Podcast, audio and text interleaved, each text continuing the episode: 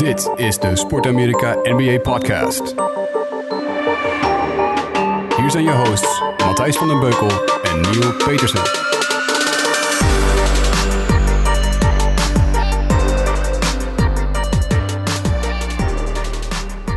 Het seizoen zit erop. Eh, de NBA-kampioen is eh, bekend. De Golden State Warriors, daar hebben we het de vorige keer over gehad. Ik, eh, we gaan gewoon door met de podcast. En ik zit dus vandaag weer met Niel. Niel, goeiedag. Goeiedag jongen, hoe is het? Ja, uitstekend. Uitstekend. Alle aandacht gaat nu natuurlijk naar het voetbal. Daar ben jij volgens mij vooral heel veel mee bezig.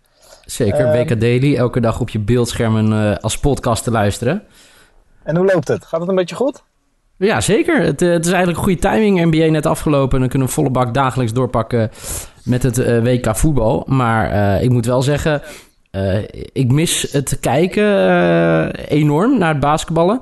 En eh, gelukkig, dat wil ik wel zeggen, is er wel een off-season waar voor mij echt van alles gaat gebeuren. Echt, het gaat elke dag chaotisch worden. En Ja. chaotischer met de dag, denk ik ook. Ja, dat denk ik ook. Ik denk, we hebben vrijdag, tenminste voor ons vrijdagochtend 1 uur, dus midden in de nacht, hebben we de, de NBA Draft. Is natuurlijk een groot moment, maar eh, en op 1 juli eh trade season gaat dan los. Maar we zijn al eigenlijk begonnen met trade season, want we hadden deze week eh, de veelbesproken man in deze podcast, Kawhi Leonard, die aangegeven heeft niet meer voor de Spurs te willen spelen volgend jaar. Althans, dat zijn nu de verhalen. Ja, ehm, eigenlijk heel vaak over gehad. Hè? Eigenlijk het meest opmerkelijke tijdens deze saga, of tij- deze soap, de Leonard soap, is dat wij eh, tijdens de playoffs, eh, waar de Spurs zich gewoon nog voor, voor gekwalificeerd, hadden, dat hij niet één wedstrijd is wezen kijken, niet een succesfilmpje heeft ingesproken of iets. Ja, toen hebben wij van mij tegen elkaar gezegd, Matthijs, eh, ja, dit is gewoon einde verhaal voor...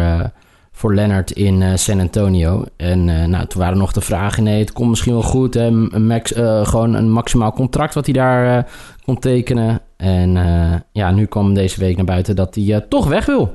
Ja, toch weg wil. Hij wil naar een grote markt toe. En eh, eh, hij kan ook wat eisen, want het is natuurlijk een vrij eh, grote speler ook. Maar ehm, eh, eh, hoe heet het? Ja, dat max contract, ik ging dat net even opzoeken. Maar hij, hij kan nogal wat geld verdienen in. eh, 219 eh, miljoen dollar. Een vijfjarig contract, toch, deze zomer? ja, ja, er zijn maanden dat ik het niet verdien. Ja, ook al jaren, toch? Of niet? Of gaat het zo goed in de... in de tuinbouw gaat het eh, hartstikke de- goed. Ja, oké. Ja, Nou, het gaat zo goed dat ik op dit moment eh, niet in onze vergaderzaal zit, want die was bezet, waar ik normaal opneem. Ik zit nu in de auto van een collega deze podcast op te nemen, op de parkeerplaats. Klasse, zwaaien naar mensen goed. die een hondje uitlaten. Anyway, um, Kawhi Leonard, ja, en kijk, dit soort dingen. Kawhi Leonard dan op de trading block, zoals dat heet. Eh, LeBron James gaat natuurlijk. Hij heeft trouwens, eh, als we eh, de Adrian Wojnarowski, Ja. Hoe ik hem altijd noem, aangezien ik niet zo goed ben met eh, moeilijke namen, eh, de ISBN-man eh, op het gebied van basketbal, die kwam ook als eerste met het nieuws. En hij kwam ook met het nieuws dat Kylie Leonard ook niet heeft gevraagd voor een trade. Dus hij heeft alleen aangegeven, ik wil weg. Maar hij heeft niet aangegeven voor een trade. En ik denk dat hij ook een beetje de organisatie onder druk zet. Ja. Denk je niet? Ja, het is allemaal leverage natuurlijk. En eh, Hij kan gewoon zeggen, ja jongens, eh, weet je, eh, allemaal leuk en aardig. Ik kan ook gewoon nog een jaartje voor jullie basketballen. En dan kan je niks meer voor me krijgen. Want dat, als eh, weigert om dat, dat max contract van 219 miljoen voor vijf jaar te weigeren... dan is hij volgend jaar gewoon een free agent. Dus dan kan hij gewoon eh, overal gaan en staan waar hij wil... zonder dat de Spurs er iets voor terugkrijgen. Ja, ja, en dat zou toch ook wel zonde zijn. Want zonder Kawhi Leonard wordt het wel een mager team. eh, dat waarschijnlijk... Nou ja, goed, dit jaar speelden ze voor, eh, eh, nog voor de playoffs. Maar dat is met Manu Ginobili en Tony Parker... die nog wel, niet, niet volle bak... maar nog wel belangrijke minuten hebben gespeeld. En ehm, die gaan natuurlijk allemaal weg. Ja, kun je dan nog een team bouwen rondom de Marcus Aldridge... en ehm, die Murray die ze nu hebben... die ze aan het ontwikkelen zijn... Ja, ik vraag me af. En de Spurs zijn natuurlijk geen big market. Dus eh, je ziet ook een hoop mensen nu, een hoop eh, experts die zeggen van ja, we dachten altijd dat de Spurs een soort mystiek team was dat eh, de zaakjes volledig onder controle heeft. En nu blijkt het gewoon net een team als elk ander te zijn. En bleek de mystiek van de Spurs toch vooral de relatie tussen Tim Duncan en, en de coach Popovic te zijn. De superster Tim Duncan en de coach Popovic. Eh, dat die de mystiek maakt. Ja, Duncan speelt nu twee jaar niet meer. Eh Popovic heeft volgens mij aangegeven in ieder geval tot 2020 eh, als belofte aan de Marcus Aldridge aan te blijven. Ehm, dus dat is op zich wel, uh, dat blijft. Maar uh, de Spurs moeten nu gewoon heel hard gaan nadenken welke koers ze willen gaan varen. Uh, totale rebuild of eigenlijk hetzelfde als Cleveland Cavaliers. Gaan ze voor de totale rebuild of gaan ze toch nog proberen competitief nu te zijn? En ik ben heel benieuwd hoe. ik denk dat dit voor Popovic toch wel echt een enorme uitdaging is. En de vraag is of hij. hoeveel zin die heeft om dat. om eigenlijk weer helemaal van vooraf aan te beginnen. En uh, of die niet misschien elders gaat kijken of dan wel gewoon met pensioen gaat. Maar, en het heeft natuurlijk ook invloed op de draft van aanstaande donderdag. Want ja, als jij natuurlijk een, een hoge een hoge pick mag hebben, een hoge pick mag kiezen voor in deze draft, dan kun je die natuurlijk eventueel gebruiken om de Spurs te verlokken en een trade met je te maken. Ja, de, de, de, de opties die nu uh, voor Leonard worden gezegd, uh, zoals die zegt, hij wil naar een big market. Ja. Overigens zijn er ook niet heel veel big markets, om eerlijk te zijn. Um, LA is natuurlijk de meest uh, logische. Als je ja. hebt over big market, hè, zitten twee ploegen, waaronder de Lakers natuurlijk nog steeds. Ondanks dat ze, nou, voor mij nu vier, vijf baggerseizoenen achter de rug uh, hebben. Sorry, Pascal, Pascal sorry, Pascal Vandenburg. sorry, Saman Al-Sahawi. Um, de, twee grootste Lakers-fans die ik ken. Maar ik, ik zou dus, uh, dat, dat is een markt. Maar wat, wat ik het meest opvallende vind als ik het artikel lees van de ESPN, is dat de Celtics ook uh, zich gaan melden, uh, mocht er een trade mogelijk zijn. En die hebben dus al eerder geprobeerd om ehm, een, een, trade voor elkaar te krijgen, namelijk in februari al, voor de trade deadline destijds, om te kijken of ze Leonard naar Boston kunnen krijgen. Wat, wat, waar hoop jij op als hij toch weggaat? Ik zou, hem, ik zou hem graag gekoppeld zien aan LeBron James. En dat kan natuurlijk in LA is dat mogelijk, waar ook nog Paul George gehaald kan worden. Uh, of dat ook mogelijk is in Boston, dat weet ik niet. Hij kan natuurlijk ook gewoon naar de Cavaliers toe. Dat, uh, dat ze hem daar koppelen aan LeBron James. Um, maar een beetje die, het lijken wel twee grote planeten die een beetje om elkaar heen draaien. En ik ben gewoon benieuwd of die twee elkaar gaan vinden. En of, uh, of, of die samen ergens gaan landen. En LA zou dan nog goed zijn. New York, ik weet niet of zij het qua salarissen kunnen, voor elkaar kunnen krijgen. Uh, maar schijnt ook uh, gewoon in de picture te zijn. Alleen ja, die eigenaar is zo verschrikkelijk slecht. En ik vraag me af of, uh, of die spelers daarop zitten te wachten. Dus ja, dat, ja LA zou toch wel een, LA zou toch wel een, mooie, een mooie bestemming zijn. En wat ik dus vooral knap vind aan LA is dat twee jaar geleden werd er steeds meer geschreven. Kijk, LA was altijd een magneet. Daar wilden spelers altijd spelen. Die konden altijd spelers halen. Je hebt de spotlights, je hebt de markt. Je hebt uh, alle sterren, de celebrity, de Hollywood vibe. Alleen sinds een, uh, nou ja, zeg maar de laatste drie, vier seizoenen. En dat komt niet eens door het slechte basketbal. Maar het schijnt dat LA een beetje zijn. de LA Lakers althans. een beetje de vibe hadden verloren. De flow, de mojo. Waarmee ze altijd supersterren konden aantrekken. Um, die hebben het roer omgegooid. Zit natuurlijk nu. Uh, even kijken wie zit er. Uh, Magic Johnson en Palenka, als het goed heb. Absoluut. Als uh, GM's. Ja. En, die, en die hebben dat toch. Kijk ik weet niet of ze uiteindelijk Kawhi Leonard, Paul George en of LeBron James gaan landen. Maar ze zitten wel weer helemaal in de mix. En ze worden wel weer besproken. En dat vind ik toch knap. Ze hebben in ieder geval het eerste stapje gezet. Dat zegt verder niks over waar Kawhi Leonard wil zien. Maar ik denk Leonard in een Lakers uniform. Paul George erbij. Misschien LeBron James erbij. Dan uh, wordt het uh, aanpoten voor, uh, voor de Golden State Warriors. Plus dan krijg je weer de ouderwetse Lakers Celtics dynastie. Nou, wat grappig is, uh, na dit nieuws uh, vrijdag uh, bekend werd gemaakt. Lakers, een van de topfavorieten in, in Vegas, in, bij de bookies, bij de gokkantoren, mm. om volgend jaar de NBA-titel te winnen. Echt waar? Ja. Bizar. Dat ze dan, oké. Okay. Ja. ja. en die weten meestal wel een hoop, want het gaat om een hoop geld daar. Dus, ja, dus... Wat, zou, ja. je hem, zou je hem erbij willen bij Boston? Eh... Ja, kijk, het, het, is gewoon... Kijk, uh, laat ik het zo zeggen, want dan gaan we het eigenlijk over de volgende hebben. Uh, we hebben het uh, in onze laatste podcast gehad, hè, wat gaat LeBron James natuurlijk doen. -huh.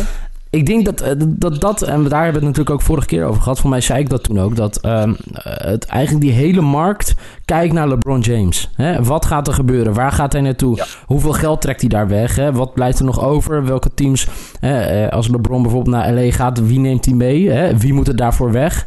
Ik denk dat dat gewoon heel interessant is. En ja, ik hoorde uh, ja, ook wel weer de geruchten over dat uh, Boston toch ook wel een optie is voor LeBron. Mm -hmm. Omdat als hij uh, naar het westen gaat, hè, dus nou, zeg naar de Lakers, wat, wat veel wordt gezegd. dan is de weg naar de finale zo enorm zwaar. Ja. Hè, want dan heb je op dit moment, als je kijkt naar dit jaar, heb je Houston natuurlijk. En de ongenaakbare, hè, dat zal- meneer LeBron James alles zelf van weten, eh, de Golden State Warriors tegenover je. En in het oosten, ja, wat, wat, wat is daar nog over? Als, eh tuurlijk, weet je. Toronto, Toronto zal waarschijnlijk weer de regular season winnen. En dan keihard afgaan als een gieter. Eh, ja, kijk, Philadelphia is ja, ze natuurlijk een interessante. Toronto gaat altijd af als een gieter tegen teams van LeBron. En als die niet Ja. meer in het westen speelt, dan eh, wordt het ineens weer interessant voor hen natuurlijk. Ja, maar eh, eh, dus ja, ik, eh, geen idee. Ja, ik, ik, ik denk dat, dat dat de meest voorname in...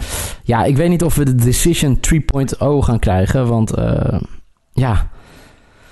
Nee, dat Ik, is inderdaad eh, waar. Maar, maar als ik je goed hoor, dan zeg jij eigenlijk... Het punt is, eh, stel dat je... Een, eh, stel dat je Als een- wij, Le- als wij LeBron kunnen krijgen in Boston... Ja, Ja, dan moet je niet. Kawhi lenen. Nee, Kawhi nemen. Kawhi nee, natuurlijk niet. Nee. Want Kawhi Leonard heeft, is nog wel iets jonger, hè? Daar kun je iets langer op bouwen. Ja, maar kijk, als jij de, de beste basketballer van de laatste 15 jaar... kun je- Nee, nee, maar gewoon een van de beste ba- ba- basketballers van Ooit. Ooit, eh, in je ploeg kan hebben... Ja, waarom zou je dan dat niet doen? Toch? Nee, zeker. Dus als jij de GM was, als jij Danny Ainge was, dan... En je krijgt een... eh, Ja, ze schelen voor mij 7 jaar, hè? Ja, dan krijg, jij krijgt een bot van de, de Spurs. Je krijgt Kawhi Leonard ruil voor XX en je Ja, wat, oké, wat moet je ook opgeven, hè? Ja, en je weet nog niet zeker of je LeBron kan krijgen. Maar misschien wel. Zou je dan toch voor Kawhi gaan of zou je dat bot afslaan van de Spurs? Met het risico dat je uiteindelijk niks hebt. Ja, wat, wa- wa- oké, wat geven de Celtics op? Wie Ja, geven ze dat op? is de vraag. Ja, dat is natuurlijk de grootste vraag. Ja, je zal dan toch... Ik denk toch Kyrie Irving of eh, Gordon Hayward naar de Spurs moeten sturen.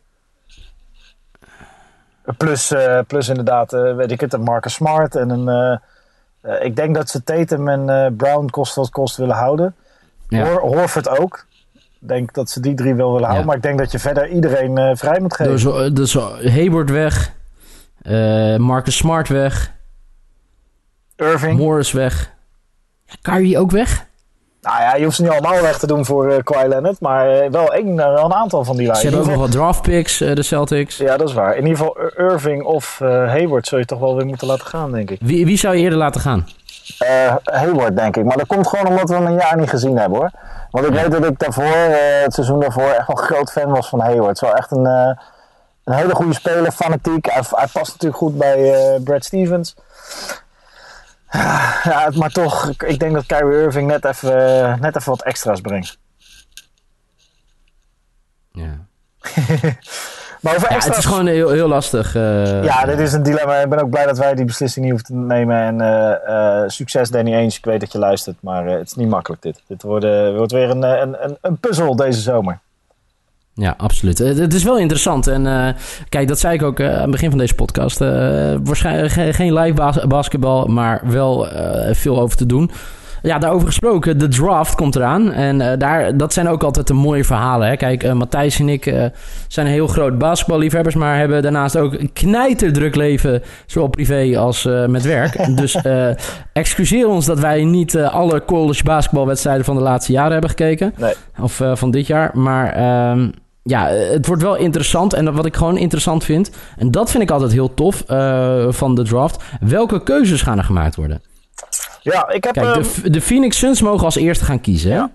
En de, de- kijk, daar lijkt het om te gaan. Hè, gaan zij dus eh, hè, voor DeAndre, DeAndre Ayton, een freshman van Arizona, eh, die zichzelf al heeft eh, gezegd: ja, de Suns gaan mij als eerste kiezen. Of gaan zij die eerste ronde pick opgeven? En dan, of eh, de eerste ronde pick, eh, de first pick in, eh, in de NBA draft 2018. Voor, ja, wat hè? Wat gaan ze ervoor terugkrijgen? Dat, dat is natuurlijk heel interessant. ja, ik denk dat die, als ik het, de analyses en alles deze week goed gelezen heb... dat DeAndre Ayton wel een... unicorn potential, laten we het zo zeggen. Dus er is er wel eentje die in het rijtje Carl Anthony Towns, Joel Embiid, eh Porzingis kan scharen. Eh, en die wil je gewoon hebben. Dus ik zou niet weten waarom de Suns, die, die natuurlijk al jaren bagger zijn, eh, wel een aantal potentieel zeer interessante spelers, jonge spelers hebben, maar gewoon veel te onervaren. Waarom zou je de kans op, een, op de next Carl Anthony Towns of Porzingis laten lopen? Overigens trouwens heel goed gewerkt van Porzingis aan dit imago. Dat hij in dit rijtje genoemd wordt. Want toen hij ge ge gedraft werd door toen nog Phil Jackson bij de New York Knicks... was niet iedereen heel erg te spreken over zijn potentie. Maar nou ja, toch gewoon een waanzinnige speler. Helaas lang geblesseerd.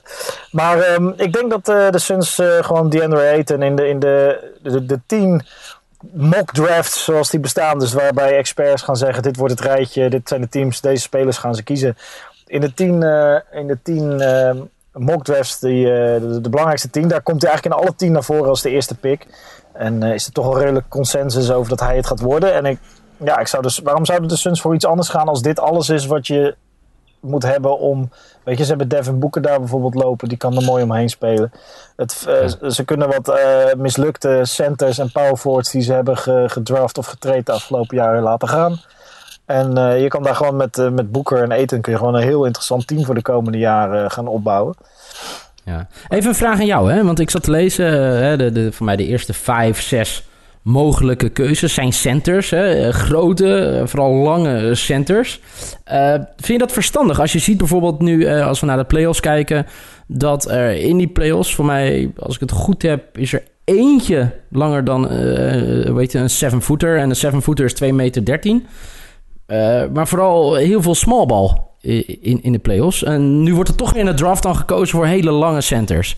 Ja, Wat vind jij daarvan? Als ik kijk naar, inderdaad naar de uh, even de, de, eerste, de eerste acht uh, picks bij uh, de Ringer. Um, dan is dat inderdaad center, center, een, een power forward, nog een power forward. Ja, nou, dan vooral centers en dan Doncic is dan een, een ja. guard.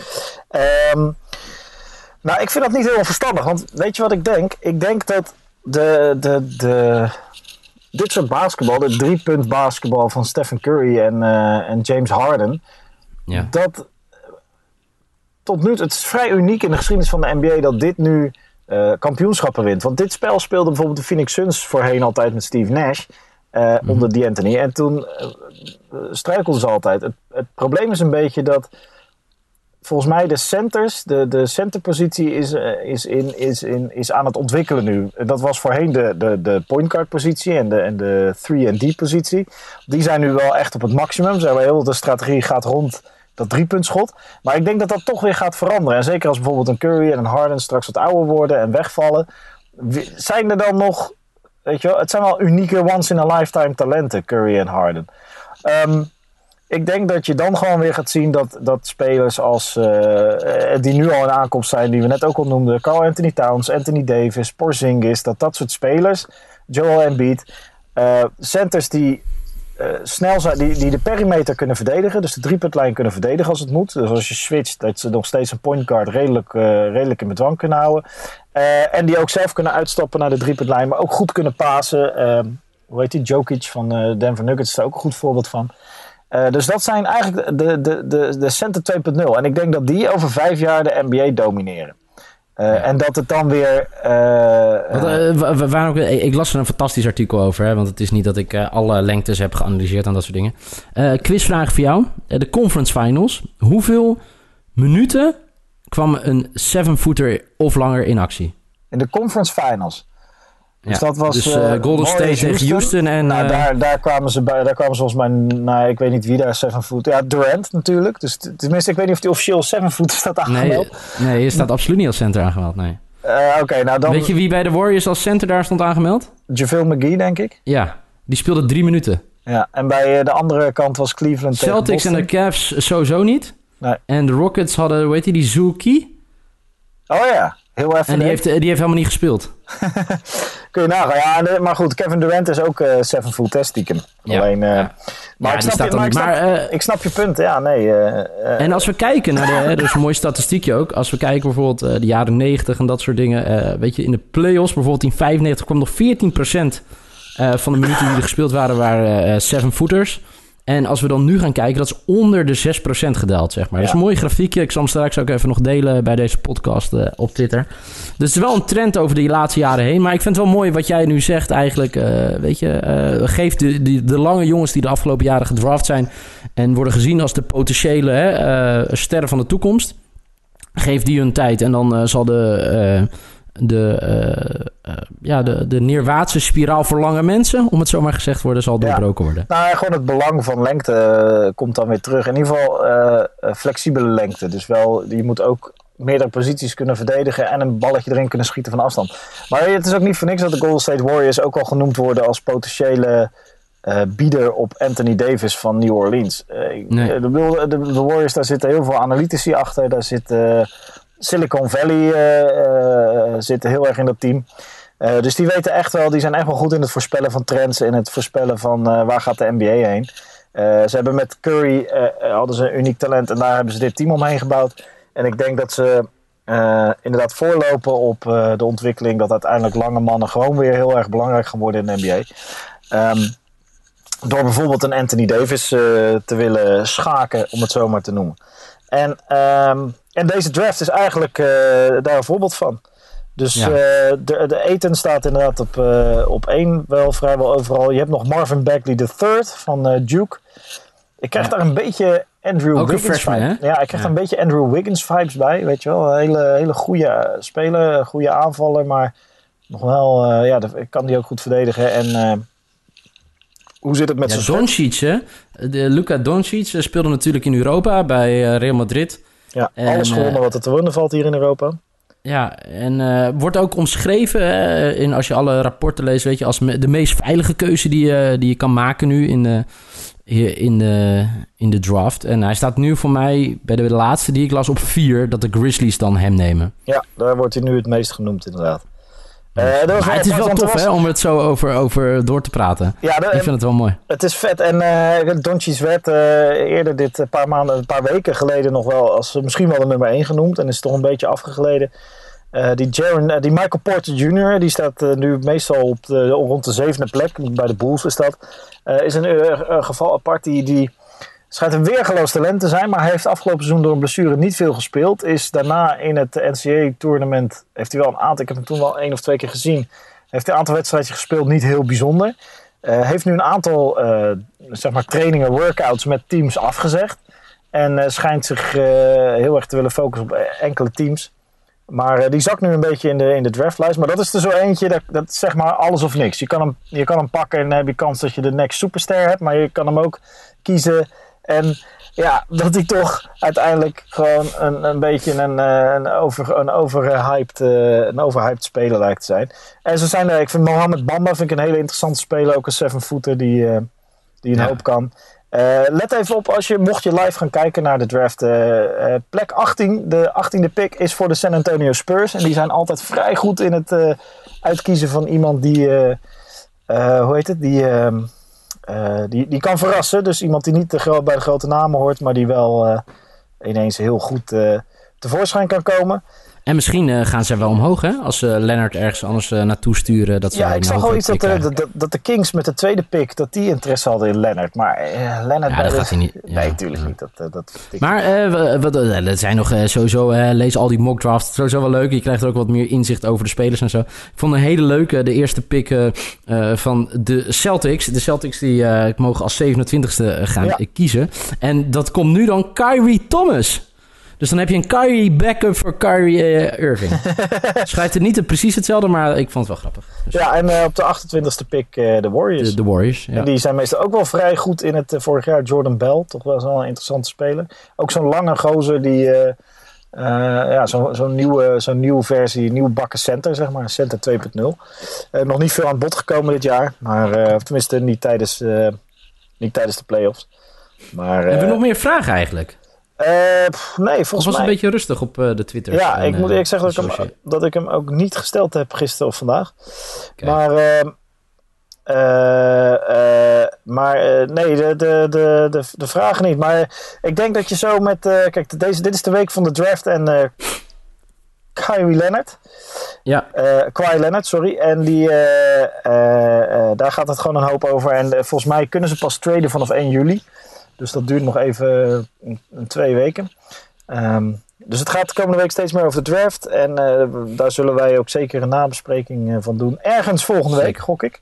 Ik zou ook zeggen, eh, dat is wel een leuk artikel. Wil je iets meer informatie over hebben en ben je het overzicht bezig? Sport Amerika heeft de mock draft 2018 gedaan met drie redacteuren. Dus, en er staat ook wat, wat meer uitgelegd waarom bepaalde keuzes worden gemaakt... en waarom bepaalde teams voor een bepaalde speler zullen gaan. Ja. Dus dat is wel even een leestipje voor, voor jullie. Ja, eh, dat zijn, eh, daar zitten zeker een paar experts eh, op Nederlands basketbal. Of op eh, Nederlandse experts op basketbalgebied. Dus die, Absoluut. die, dat is ook mooi, hè? Dan, zo diep kun je dus gaan. Dat je op een gegeven moment niet eens meer kijkt naar wie is de beste speler. Maar dat je op een gegeven moment ook kijkt, oké, misschien is dit de beste speler. Maar is dat ook de beste speler voor dat team? Want hebben ze nog zo iemand nodig? Ik bedoel, als je Carl Anthony Towns bijvoorbeeld in je ploeg hebt, ik noem maar wat. Dan heb je, geen, dan heb je niet eenzelfde soort speler nog eens nodig. bij wijze van spreken. Dan kun je kiezen voor iets anders. En ehm, ja, het wordt gewoon. eh, ik ben benieuwd. Ik ben benieuwd of Orlando Magic hun, eh, hun zevende of achtste pick. Even kijken hoor. Zij zitten volgens mij. eh, Orlando is zesde. Zesde. Ja, nou, die eh, hoofd, ja. ben benieuwd of ze weer voor een guard kiezen die ze gaan verneuken. Dus Ja. eh, dat soort dingen. Weet je, er zijn altijd een hoop verhalen tegenwoordig die, eh, die meespelen. Dus eh, heel interessant, de draft altijd. En wie weet, en ook, iemand, ook iemand is dit jaar de, de Donovan Mitchell van de draft. Weet je, iemand die laat Tuurlijk. gekozen wordt, waar niemand het over heeft. En die dan tijdens het seizoen gewoon een, eh, een absolute topspeler blijkt te zijn. Ja, want eh, dat is eh, voor de luisteraars natuurlijk wel altijd tof als je terug gaat kijken naar de drafts van de afgelopen jaren. Hè, wie werd er als eerste gekozen? Nou, vorig jaar natuurlijk, hè. Uh, Markiel Fultz. Nou, daar is veel over te doen geweest. Op een gegeven moment dachten ze... eh, kan hij überhaupt nog wel basketballen? Ja, hij, heeft, hij iets, was ja. klaar voor de playoffs. En de playoffs hebben we hem niet gezien. Maar eh, uiteindelijk eh, Lonzo Ball als tweede bij de Lakers.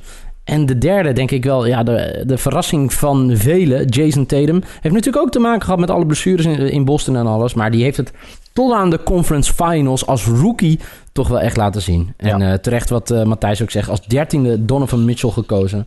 En eh, ja, de Utah Jazz hebben daar heel veel plezier van gehad. Ja, een van de. de, de, dit, is- dit is wat de draft, in, zeker met, eh, met eh, hindsight, dus achteraf terugkijken. is interessant. Maar mijn grote voorbeeld daarin is altijd de draft eh, van 2009, toen Stephen Curry werd gedraft. Nu de superster van de NBA. Ik bedoel, die wint de kampioenschappen de afgelopen vier jaar. Hoe zag zijn draft er toen uit? Op de eerste plaats werd, de, kozen de Clippers Blake Griffin. Geen slechte keuze, zeker niet op dat moment. Op de tweede plaats, ik weet niet of je hem nog kent, bij de Memphis Grizzlies, Hashim Tabit. Een seven-footer. Heeft eh, volgens mij anderhalf jaar gespeeld. Eh, op plek drie, eh, de Thunder kozen daar James Harden. Niet, niet echt een hele slechte keuze, als, al vraag het mij. Nee. Op plek 4 werd Tyreek Evans gevraagd. Nou, ook nog steeds een hele goede, een, goede rolspeler in de NBA. Op 5 Ricky Rubio door de Minnesota Timberwolves. Die koos dus een guard op 5, Ricky Rubio. Daarna kozen de Minnesota Timberwolves een guard op 6, Johnny Flynn. En daarna kozen de Golden State Warriors een guard op 7 met Stephen Curry. Dus eh, Timberwolves hebben twee keer een guard gekozen in die draft. En twee keer was die guard niet Stephen Curry. Want die kwam daarna pas. En dat zegt alles eigenlijk wat je kan zeggen over de draft. Het is een, Ja. een soort mega gokspel eh, om talent. En je weet van tevoren nooit helemaal hoe dat uit gaat pakken. Zo is het. Eh, beste GM's, als jullie deze podcast luisteren, misschien via een Nederlands neefje of oom of tante die getipt heeft, luister even die podcast van Matthijs en Niel. Doe je huiswerk goed. En eh, kijk vooral naar het verleden. Leer daarvan. Dat is een beetje de tip van Matthijs. Toch, Matthijs? ja, absoluut. Zoals je altijd goed om van je verleden te leren. Ja, nou, bijna een half uurtje hebben we eh, vol weten te praten. Het was, eh, het was leuk. Ja. Het, het, het, het is spanning, opbouw naar komende vrijdag. Zoals Matthijs zei, de NBA Draft, de eerste ronde vindt dan plaats. En dan gaan we proberen volgend weekend weer een, een podcast te overnemen op wat er terug, eh, eh, zeg maar, om, terug te blikken. Ook de reacties daarop. En natuurlijk, hè, is er al nieuws over Leonard? Is er al nieuws over LeBron James? En eh, zoals jullie misschien op de Twitters hebben gelezen, nou, ik weet niet of elke luisteraar op Twitter zit, maar er komt ook een grote podcast aan hier in de studio van Ja. Sport Amerika. En dan gaan we met twee gasten. Eh, misschien wel doen we dat wel vaker. Gaan we eh, lekker op het basketbalseizoen terugblikken en vooruitkijken. Dus Ja. dat, eh, dat volgt binnenkort in deze podcastserie. Ja, dat wordt een feestje. Een zomers, een zomers basketbalfeestje. Dat gaan En we heb je zeker nou even vijf minuutjes over of minder? eh, laat even een reactie eh, achter op iTunes. En eh beoordelingen zijn altijd goed. Eh, in het begin ging het keihard met de, de reacties. En eh, nou, we gaan er niet om smeken, maar we, we Nee, joh. waarderen het zeer. Dus eh, Het is dank, leuk, dank in ieder geval. We Ja. weten dat jullie luisteren en eh, een hoop mensen luisteren en een hoop mensen ervan genieten. En daar doen we het voor. Dus eh, maak ons beter en gooi je feedback, ratings en comments en mentions onze kant op. Want daar doen we graag op mee. Niel, hartstikke bedankt. Jij gaat voetbal kijken, denk ik. Welke Ik wedstrijd ga is het zeker. dat is Zweden tegen Zuid-Korea. En mocht je ook van voetbal houden, elke dag om 12 uur is het WK Daily eh, te luisteren eh, eh, via Soundcloud of iTunes of gewoon via YouTube kanaal van FC Afkikken. Dus absoluut de moeite waard als je van voetbal Een houdt, zou ik zeggen. Yes. Zo is het. Matthijs, ik spreek je dit weekend weer. en succes in de auto van je collega. Ja, dat komt helemaal goed. Dankjewel. Hoi. Yo.